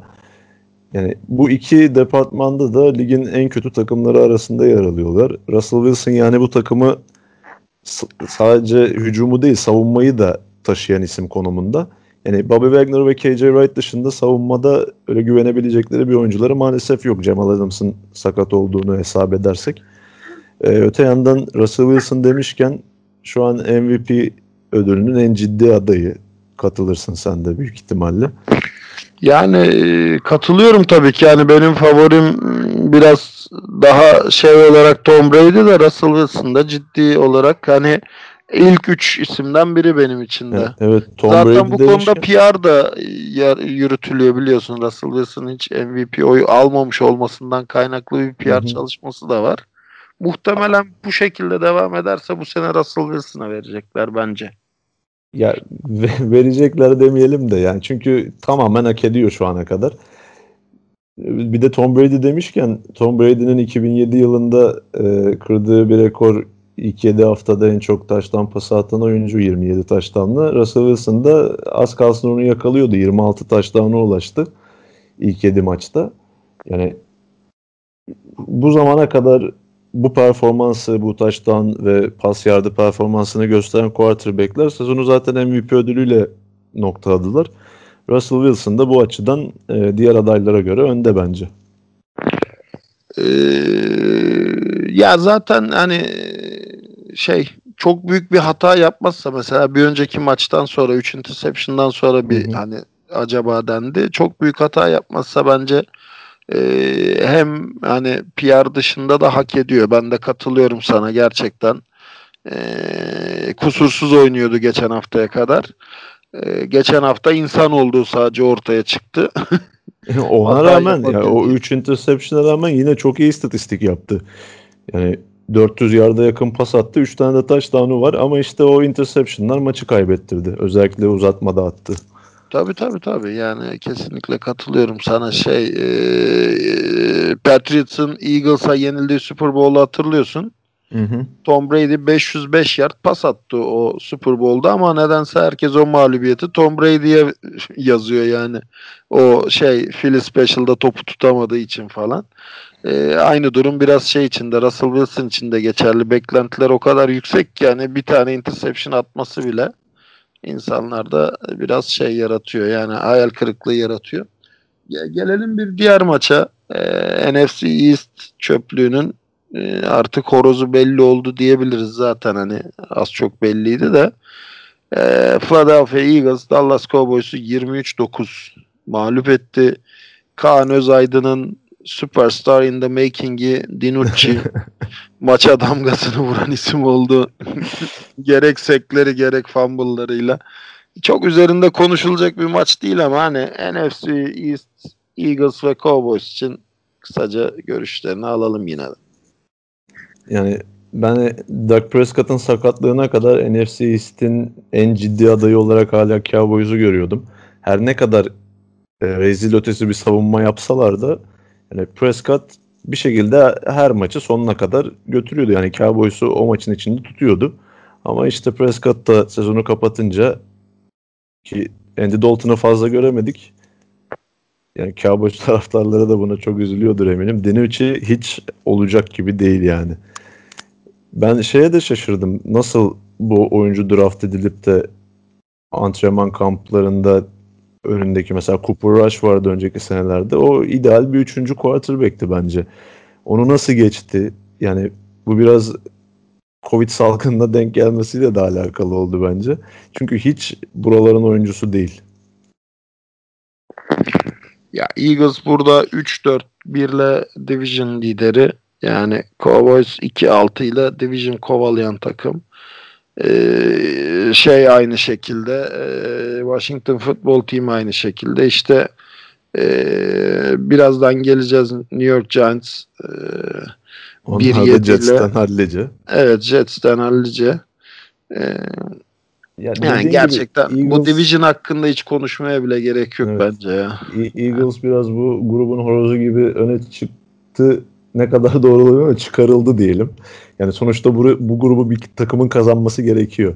Evet evet evet öyle olacak zaten yani. Sekizinci gidecek yani. Sekizinci misin? Sekizinciyim gel abi. tamam. Ee, Steelers Ravens haftanın en büyük maçıydı. Yani tartışmasız. Ee, 6-0'dı Steelers. Ravens da e, 5-1'di. Ya hani ikisi de 6-1 olacaktı ya da Steelers tek mağlup olarak devam edecekti. 28-24 aldı Steelers maçı. İşte iptal edilen touchdownlar. Ravens'ın 100 milyon dolarlık offensive lineman'in Stanley'in sezonu kapatması. Ee, ve hani Ravens'ın biraz beklentilerin altında kalması diyebiliriz. Ee, bununla ilgili sen ne düşünüyorsun? Ee, Ben bu maçı biraz ev sahibi faktörü olmasıyla da Ravens'ın kazanmasını bekliyordum açıkçası. Çünkü kağıt üzerinde birbirine gerçekten çok denk iki takım. İkisi de ligin en iyi savunmalarına sahipler. Ee, şey Ravens'ı koşu oyunu ve Lamar Jackson faktörüyle bir adım önde görüyordum ama e, geçtiğimiz sezon playofflarda yaşadıklarının bir benzerini bu maçta yaşadılar. İşler Lamar Jackson'ın yani ayakları değil de koluyla maçı kazandırması gereken noktaya geldiğinde Ravens'ın e, tekerlekleri yani o işleyen çarkı duruyor. Çünkü Jackson hala istenen seviyede bir pasör quarterback olamadı bence. Ya Big Ben de geçen haftakinden çok farklı oynadı. Yani geçen hafta ne kadar kusursuz paslar attıysa bu hafta da bir o kadar kötü paslar gördük. Ee, Steelers'ta e, hala şunu görüyorsun yani e, Ben Roethlisberger varken iyi, Ben Roethlisberger yokken hani playoff'lara bile kalamayabilir görüntüsünde bence hala. Öyle kesinlikle öyle. Yani her ne kadar adam yiyen bir savunmaya sahip olsalar da iş yine quarterback'te bitiyor. Ama Roethlisberger'ın bu performansı bana çok sürpriz gelmedi. Çünkü geçtiğimiz sezonlara da bakarsak Ravens deplasmanında her zaman zorlanan bir quarterback. Ki zaten artık belli bir yaşa da gelmiş durumda. Karşısındaki savunmanın kalitesine göre e, çok da haksızlık etmemek gerek bence. Yine de bir şekilde takımına maçı kazandırmayı başardı. Öyle ve şu an ligdeki tek namalup takım 7-0 Pittsburgh Steelers. Yani bu division'da lideri. Ama playoff'lar için hani Claypool'lu, Juju Smith-Schuster'lı, Ebron'lu, Connor'lı bir e, Steelers'tan ne bekliyorsun? Yani son yıllarda bu yetenek oyuncuları grubunu oldukça geliştirdi Steelers. Yani bu Claypool hariç ve de Ebron da bu sene katıldı takıma. Diğer oyuncular önceki sene de vardı ama işte dediğin gibi Roethlisberger yoktu. Bu oyuncuların değeri aslında Roethlisberger'la bir tık daha anlaşıldı. Yani şu an Steelers'ın receiver grubu ligin en iyilerinden birisi. Yani böyle baktığımız zaman bir tane alfa dog yok belki ama gerek Juju Smith-Schuster olsun gerek işte Chase Claypool, Deontay Johnson, James Washington, Ray Ray McLeod yani say say adam bitmiyor. Hepsini de gayet verimli bir şekilde kullanabiliyorlar. Yani hücum takımı olarak da oldukça iyi bir takım Steelers. Yani A- AFC konferansında Chiefs'i zorlamaya en yakın takım onlar bence. Yani katılıyorum hani o Killer bir zamanı gibi e, Antonio Brown'lu, Le'Veon Bell'li hani her division'ın şey, yani her departmanın lideri belli. Yani receiver'da Antonio Brown, running back'te e, Le'Veon Bell değil. Yani şimdi e, Connor oynamıyor. Snell'den de aynı verimi alıyorsun. İşte Deontay Johnson oynamıyor. İşte Claypool 4 touchdown yap- yapıyor vesaire gibi bir e, momentumu var Steelers'ın. Yani şapkadan tavşan çıkartabiliyorlar ve savunmaları da gerçekten çok kalbur üstü zaten. Bence biraz da o sayede 7-0'lar. Ama burada maçı sen izledin mi bilmiyorum. Savunma genelinde epey yıprandılar. Yani TJ Watt'la defensive coordinator'ın birbirlerine bağırış çağrışları vardı. Sideline'da insanların böyle demoralize, demotive olup e, tartıştığı durumlar oldu. O kısımları görebildin mi? Evet evet. Ya bizim maçı beklerken kanalda o maçı izledik. Yani gerilimi yüksek bir maçtı tabii. Olayın iç yüzünü de bilmiyorum. Ben görünce bayağı şaşırdım Keith Butler'la TJ Watt'ın sağ kenarında o tartışmasını. Yani bayağı ciddi bir tartışma yaşadılar.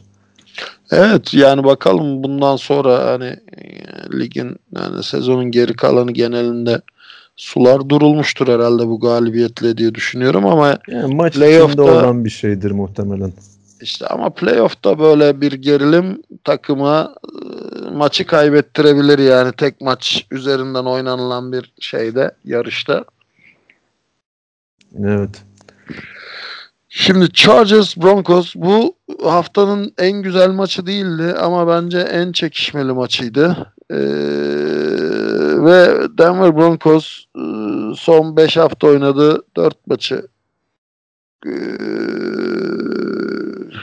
kazandı. Yani Chargers karşısında bu e, Philip Rivers zamanı normaldi ama e, şimdi bu yeni yapılanan Chargers zamanında biraz anormal oldu. 31-30 kazandı Broncos bu maçı. Justin Herbert çok iyi oynuyor. Fakat hala e, Chargers maç kazanmakta zorlanıyor. 2-5 şu an takım. Denver Broncos e, Cortland Sutton'ı kaybetti. Drew Luck'ı kaybetti. E, Jody o draft type'ını yakalayamadı henüz. Ee, Ingram bir cezalı bir hasta dendi. İşte Lindsey iyi döndü. iki haftadır 100 yarda yakın ve 100 yard üzeri oynuyor. Yani bu iki takım için sen ne düşünüyorsun? Ee, geri kalan haftalarda nasıl bir şey beklemeliyiz ya da hangi oyunculara e, ne için odaklanmalıyız Gökhan? Öncelikle Chargers'tan başlayacak olursak e, Chargers için şunu söyleyebilirim. Falcons'ın farklı bir tonu konumuna geldiler. Aslında senelerdir böyle bir takımdı Chargers. Yakın maçları kaybetme konusunda belki Falcons'tan bile usta konumdalar. Yani şu maçın cidden yani ben maçı o sırada San Francisco maçındaydık. Tamamını izleyemedim. Yani skoru takip ediyordum. Kaybettiklerini öğrenince gerçekten şaşırdım. Çünkü son periyoda kadar 3 skorlu öndelerdi. 3 skor farkla. Yani sadece Falcons başarabilirdi herhalde Chargers'ın bu maçta başardığını. Yani bu artık bana şeyi düşündürüyor. Bir takım bu kadar yani bu noktalarda maçlar kaybetmeye başladıysa koçlarla alakalı bir sıkıntı olabilir. Yani çünkü oyuncular değişiyor. Hala aynı şekilde maç kaybediyor bu takım. Yani Ya yıldız olarak da biliyorsun bayağı sıkıntılar yaşadılar. Ingram gitti, e, Eckler e, sakat bir süredir. E, Keenan Allen dışında çok da şey yok yani hücum silahı olan bir takım değil. Belki Hunter dersin. Yani e, Mike ama Williams fena değil. evet ama hani yine de skor üretebilen bir takım. Yüksek skorlar üretebiliyor hücumu ama savunması çok hani oturmadı hala. Yani Neticede bu bir spor ve yaptığın skordan daha fazlasını rakibin yapmasına izin verirsen maçı kaybediyorsun. Evet yani sezon başında kağıt üstünde belki de ligin en iyi secondary'sine sahipti bu takım ama işte Derwin James'in sezonu kapatmasıyla gerçekten savunma hani baştan aşağı bir darbe aldı ve bütün performanslarını etkiledi bu. Yani Chris Harris büyük umutlarla gelmişti cornerback. O da sakatlıklarla boğuşuyor. Bir türlü o yani beklentiyi karşılayamadılar. Joey Bosa da bir yere kadar tabii. Peki gelelim haftanın son maçına. Tampa Bay Buccaneers e, için çok önemli bir maçtı bu. Ya Saints'le birlikte 5-2'lerde ve Division'da ikinci sıradalardı. İlk hafta New Orleans Saints'e yenildikleri için. New York Giants için çok önemli bir maç değildi ama prestij maçıydı. E, 1-6 e, çıktılar bu maça. E, çok farklı bir maç bekliyordu herkes fakat Giants uzun süre önde götürdüğü maçı finalde 25-23 kaybetti. Bu maç genelinde ne düşünüyorsun? İzledin mi maçı? E, maçın özetini izledim sonradan. Yani dediğin gibi herkes büyük bir fark olmasını bekliyordu. Gerek Giants gerek Buccaneers'ın bulunduğu konumdan dolayı. Yani Giants o son topta bir tartışma vardı. Sence o e, pass interference var mıydı? Ben ona pass interference vermem. Ben onu Daniel Jones'un topu elinden bir saniye, yarım saniye geç çıkarmasına veriyorum. Yani, e, Yani çok o- ortada bir pozisyondu. yani o top geç geldiği için yavaşlama ihtiyacı hissetti. Evet. Yani Daniel Jones demişken yine bu maçta da çok kritik top kayıpları yaptı. Hı hı.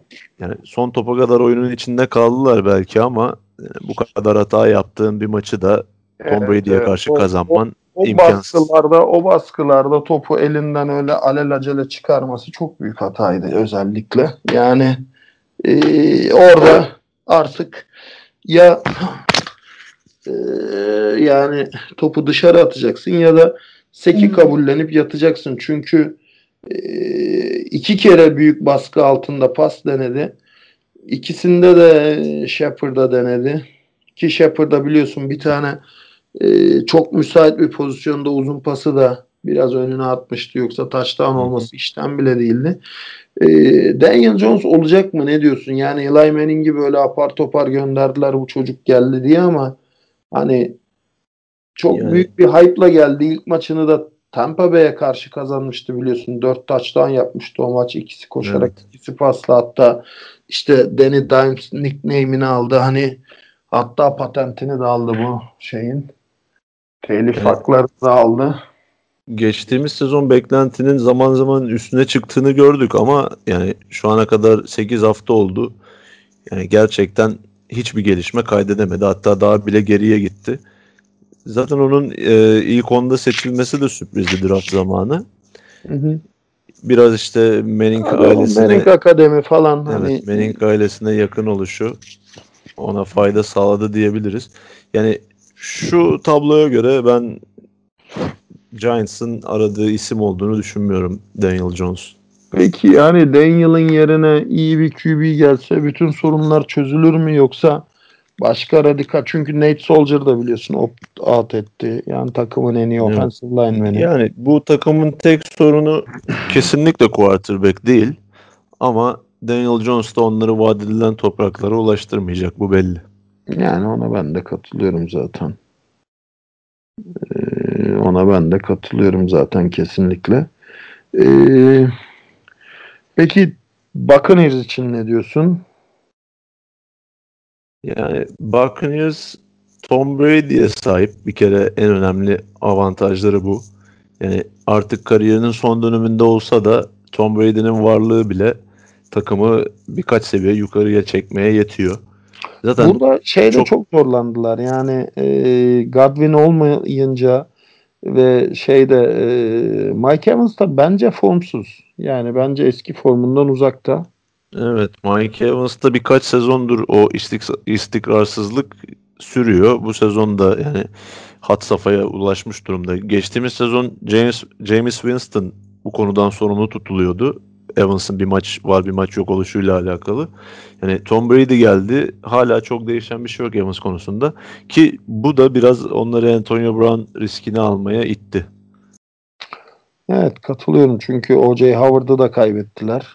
Ee, yani e, Brady'nin yanına güzel bir takım kurdular etrafına hatta yanına değil.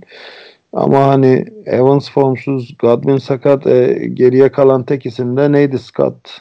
Scotty Miller. Scott Miller yani e, geri kalanları Mickens falan yani gördük ne olduklarında ne olmadıklarında.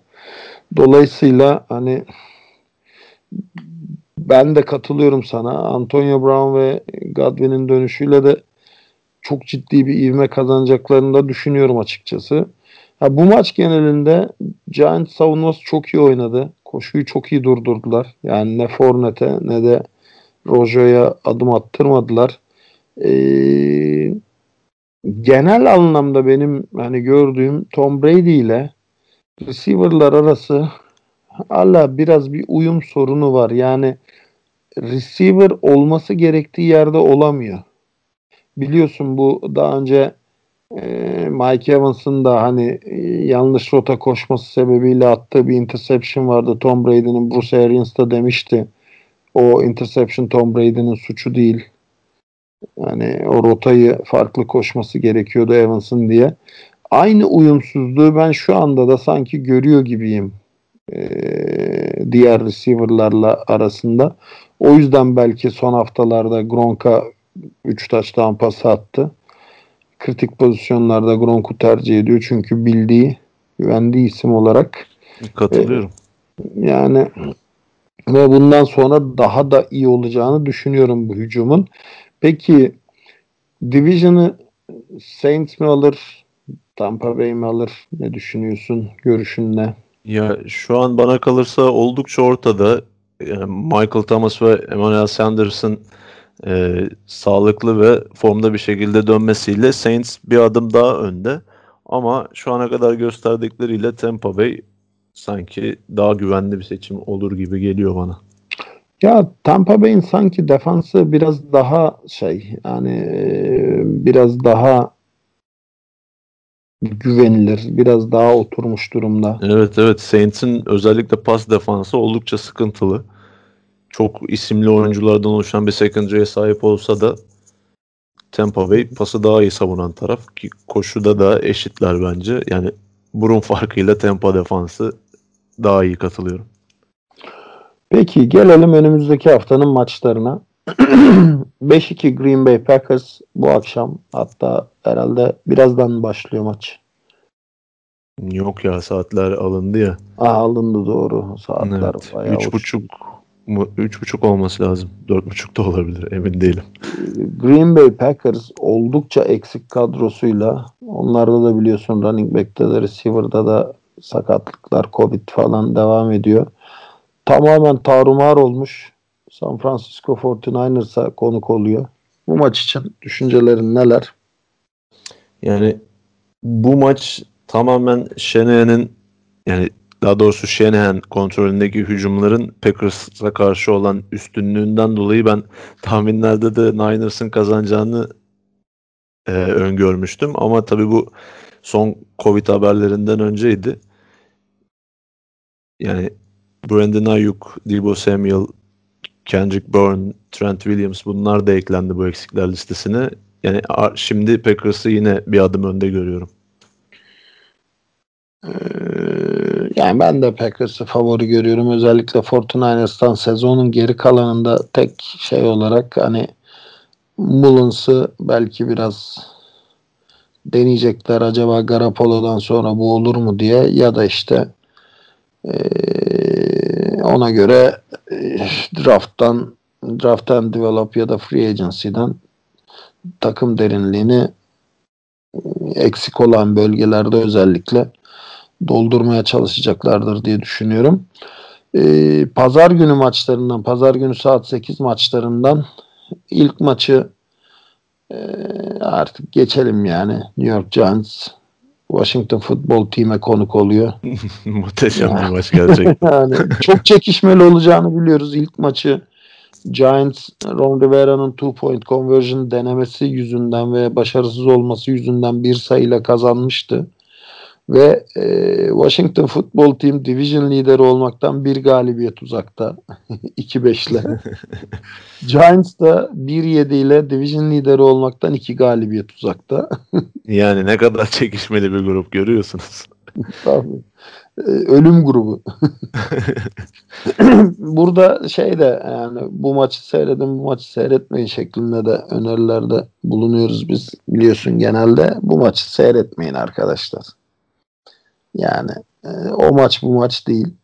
E, bir diğer maç Chicago Bears Tennessee Titans. iki takım da 5 galibiyetli. Bears e, Tennessee deplasmanında bu maçla ilgili ne düşünüyorsun?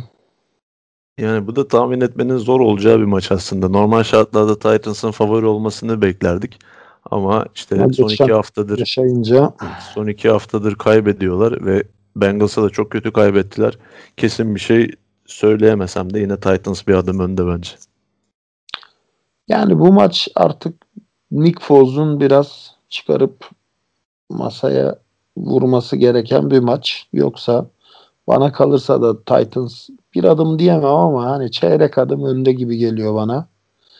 Ee, bu dengeyi değiştirecekse Nick Foles değiştirir diye düşünüyorum. Çünkü e, Ryan Tannehill ayarında oynaması gerekiyor bu maçı. Eğer Bears maça biraz olsun ortak olmak istiyorsa. Bir diğer maç Detroit Lions e, Minnesota Vikings deplasmanında e, Vikings biliyorsun geçen hafta Green Bay Packers'ı adeta hacamat etmişti. Lions da Indianapolis Colts tarafından hacamat olmuştu.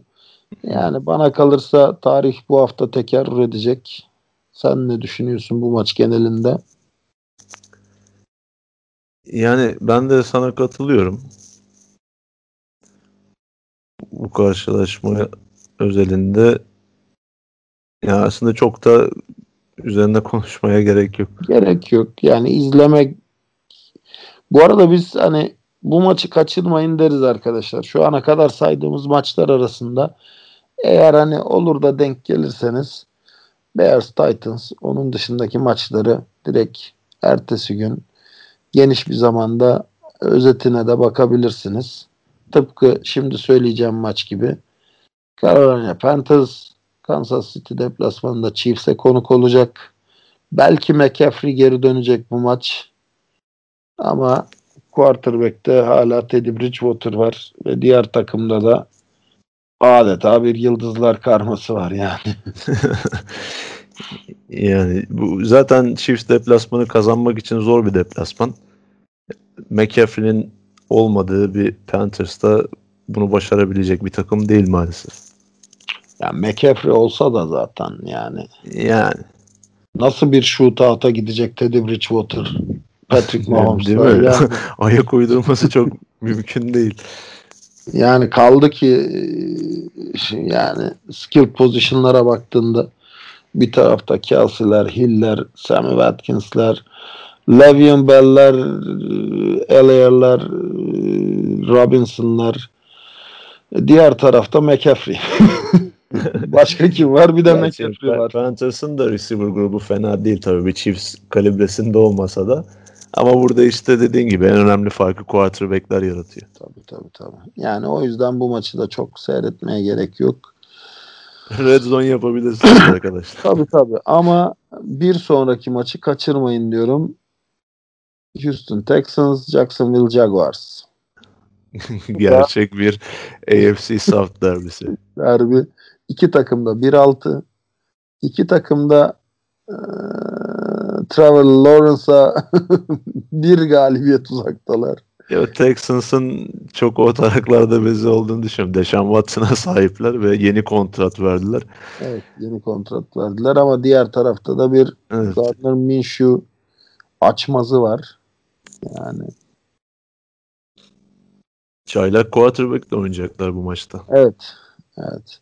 Ne düşünüyorsun şey için Jacksonville için ve yani Texans için de ya.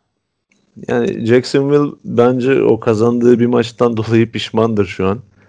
Çünkü onların da çok maç kazanacak hali yok bu saatten sonra. Jets'in en büyük rakibi Trevor Lawrence konusunda bu sezon. Ki zaten Minshew konusunda da e, gösterdikleri tavırla bunu bence kanıtladılar. Luton oynayacak çaylak quarterback. Yani Texans savunması eski görkemli günlerinden uzak olsa da yine bu maç onlar için eski günleri hatırlama açısından güzel bir karşılaşma olabilir. Tabii şimdi Ee, adama da haksızlık etmeyelim hiç izlemedik de. Sonuçta Bu çaylak maç- bir quarterback.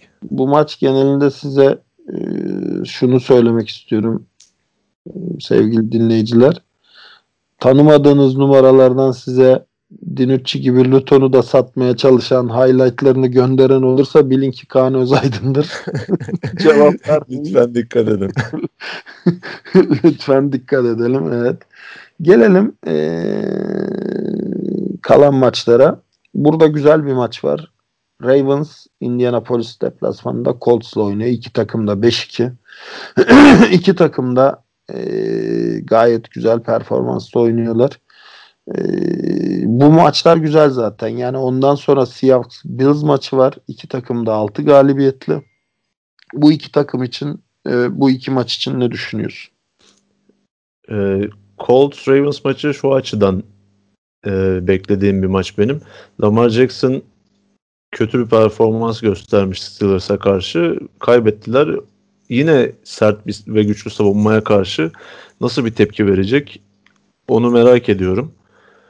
Ee, diğer karşılaşmaya da gelirsek yani Buffalo Bills geçtiğimiz hafta gösterdiği performansı sürdürürse Seahawks'ı yenmeleri bence çok mümkün değil. Çünkü sen de bahsetmiştin Bills defansı geçtiğimiz sezonlara göre çok daha kötü bir görüntüde. Ve bu aslında tam Russell Wilson ve onun iki tane etkili silahı Lockett ve Metcalf için biçilmiş kaftan. Kesinlikle yani e, bu iki maçı da izleyebilirsiniz arkadaşlar. Red Zone'da özellikle. e, Denver Broncos, Atlanta Falcons, Las Vegas Raiders, San Diego Chargers, Pittsburgh Steelers, Dallas Cowboys, Miami Dolphins, Arizona Cardinals. Bu kalan maçlar 11 maçları. Ee, Denver Broncos Atlanta Falcons'ı konuşmaya gerek var mı?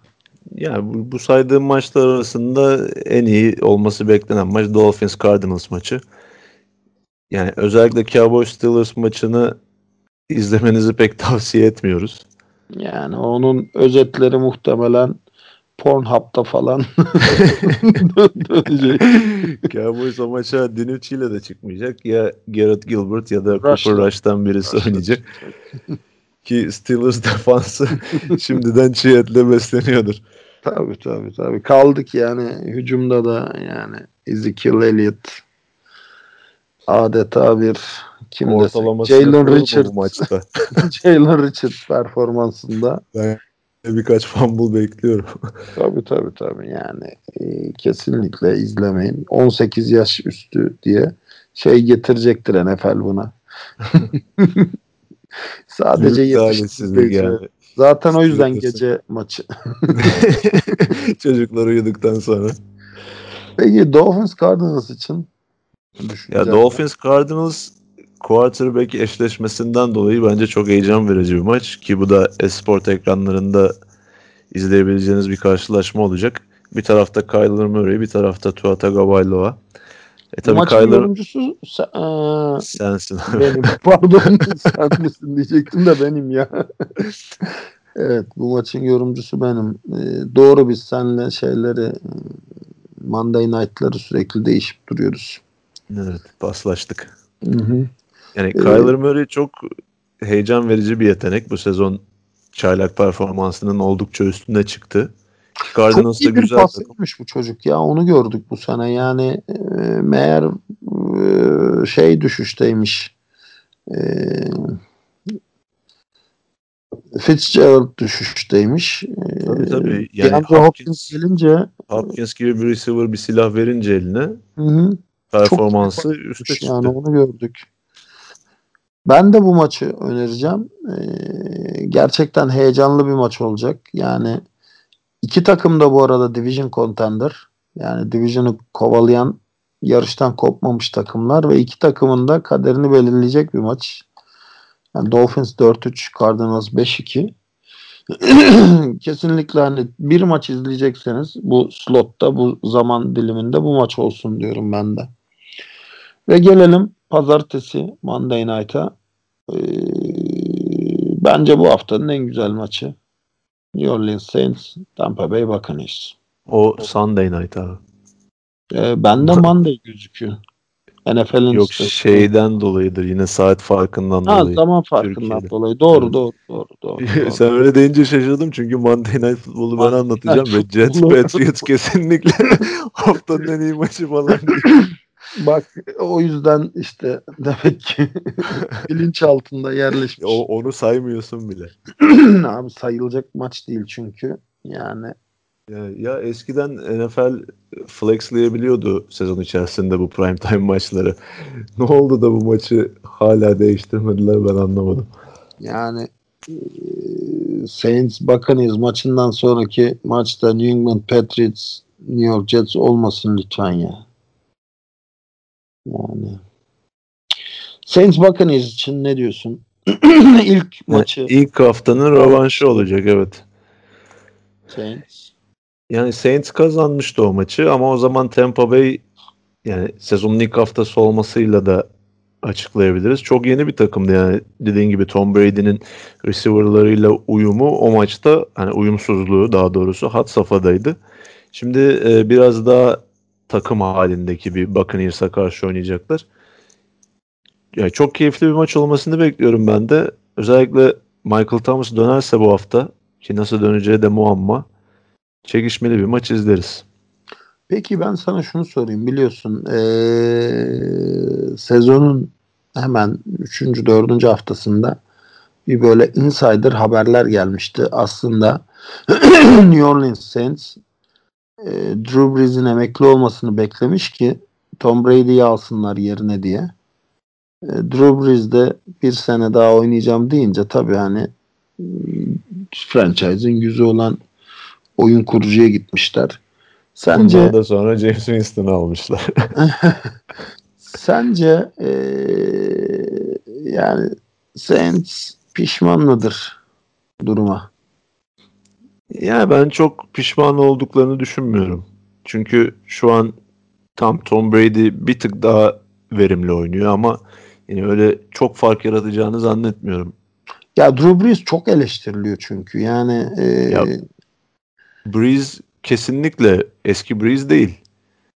Yani o tamamen kendi yeteneğiyle Saints'e maç kazandıracak şeyden uzak şu an. Yani Breeze'den ziyade Alvin Kamara üzerinden yürüyen bir check hücum down var oldu artık. yani Brees çok check down Evet. oldu. Ya o biraz şeyle de alakalı ya. Şimdi Michael Thomas Michael yok Thomas yok. ve kalan receiver'lar çok sıradan oyuncular. Evet. Breeze kariyeri boyunca çok sıradan receiver'ları yıldız yapmış bir isim belki ama artık yaşlı bir quarterback. O performansı Çok beklemek bile iyi istatistik yapıyor ya Tayland'da. Yani şu an en güvenilir receiver'ı Jared Cook. Aynen öyle. Aynen öyle. Diğer tarafta bakın izle bakıyorsun. Line-up'a bak. Yani Mike Evans, Chris Godwin, Antonio Brown, Rob Gronkowski. Ki Antonio Brown'un da bu maçta oynaması bekleniyor. Cezası bitti. Takımla Evet, çalışmalara başladı. Evet. Ee, Monday Night Football'u hiç konuşmayalım. Salı gece yarısı 3.15'te başlayacak bizim saatimizde. Patriots New York deplasmanda Jets'le oynayacak. Yani Yani Bill Belichick burada bir ayak oyunu yapıp Jets'e maçı verir mi? Trevor Lawrence yarışında evet, her, herkesin herkesin aklındaki soru o. yani 2-5'ten Trevor Lawrence'a kasar mı? Yani o Patriots taraftarları için hayal senaryosu olur herhalde. Yani kimse mutsuz olmaz bu durumdan bence de. Yine de Bill Belichick bilerek kaybedecek bir koçta değil sanki.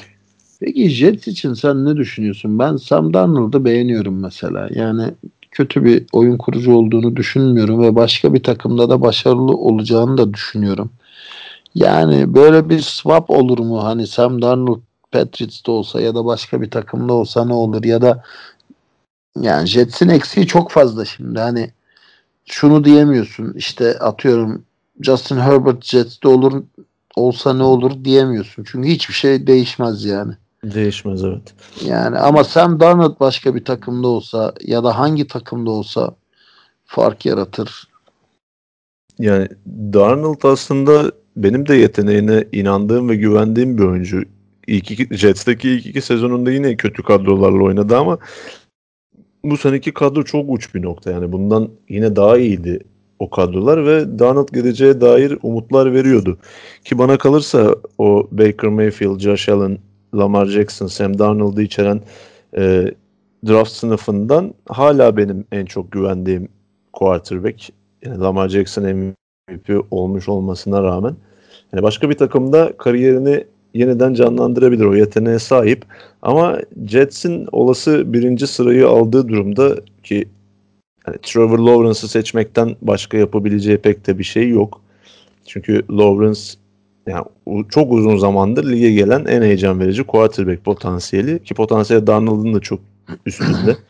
ki olası bir e, genel menajer ve koç değişiminden de bahsedebiliriz bu durumda. Peki o ben durumda... sana şunu sorayım ya. Ben o konuda çok netim. Beni hani az çok biliyorsun. Elinde Mahomes bile olsa Trevor Lawrence'ı almalı mısın? Ya Mahomes varken ben takas etmeye çalışırım o piki ama Mahomes varken sonuncu da olmazsın ya. Ya ben tutki oldun diyorsun ben da. Ben her durumda drafttan quarterback alınmasını onaylıyorum. Yani ne olursa olsun ya öyle. oyun kurucu alacaksın bana göre. Ama işte ilk sıradan alır mısın? Ya neden almıyorsun? Yani ne kaybedeceksin? Çünkü ilk sıradan aldığın running back süper çıkacak diye bir garantin var mı? Yani sadece QB'de mi bas çıkıyor? Al işte. Hayır. Az önce bas çıkmasından ziyade şimdi Mahomes varken Trevor Lawrence'ı almak yani bir olası sakatlık durumunda evet sana çok şey kazandırabilir. Ama yani sadece takas değeri satın alıyorsun bence. Ya bu çok kötü bir örnek tabii. Çünkü Mahomes'a sen e, önümüzdeki 12 sene için zaten yani Türkiye'nin son 10 yıldaki cari açığı kadar para yatırmışsın. o Özellikle kurda yükselince. Yani. Tabii. Ee, yani o çok şey ekstrem bir örnek oldu da atıyorum Aaron Rodgers varken alır mısın ya da Russell Wilson varken alır mısın? Bence alırsın. Evet. Roger, evet. Onlar daha yani zaten ha, Packers bunu yaptı. Trevor Lawrence olmasına bile gerek yok. Jordan Love'ı bile aldılar yani ilk turdan. Aynen öyle. Ben o yüzden hani hangi takım olursa olsun oyun kurucu al. Çünkü drafttan aldığın 10 oyun kurucudan biri fark yaratıyor diye düşünüyorum. O yüzden de mümkün olduğu kadar denemen gerekiyor diye düşünüyorum. Yani sadece onu sormak istemiştim. Evet. Peki yani e, istiyorsan bizim esport ekranlarında anlatacağımız maçları da bir e, dinleyicilerimize hatırlat. Bu haftayı kapatalım. Soru cevap bölümüne geçelim. Ne dersin? Tamamdır. Ee, ilk seans maçlarında Seattle Seahawks Buffalo Bills karşılaşması olacak. Ee, diğer maçlardan zaten bahsettik. Ee, ikinci seansta yine senin yorumculuğunu yapacağın Miami Dolphins Arizona Cardinals mücadelesi var. Ee, pazartesi gecesi futbolunda da New York Jets New England Patriots karşılaşması sizleri bekliyor olacak maalesef. Yani yapacak bir şey yok. Monday Night futbolu zorunlu yani olarak se- veriyoruz. Seçenek yok. Diğerlerinde seçenek vardı ve iyi maçları seçtik.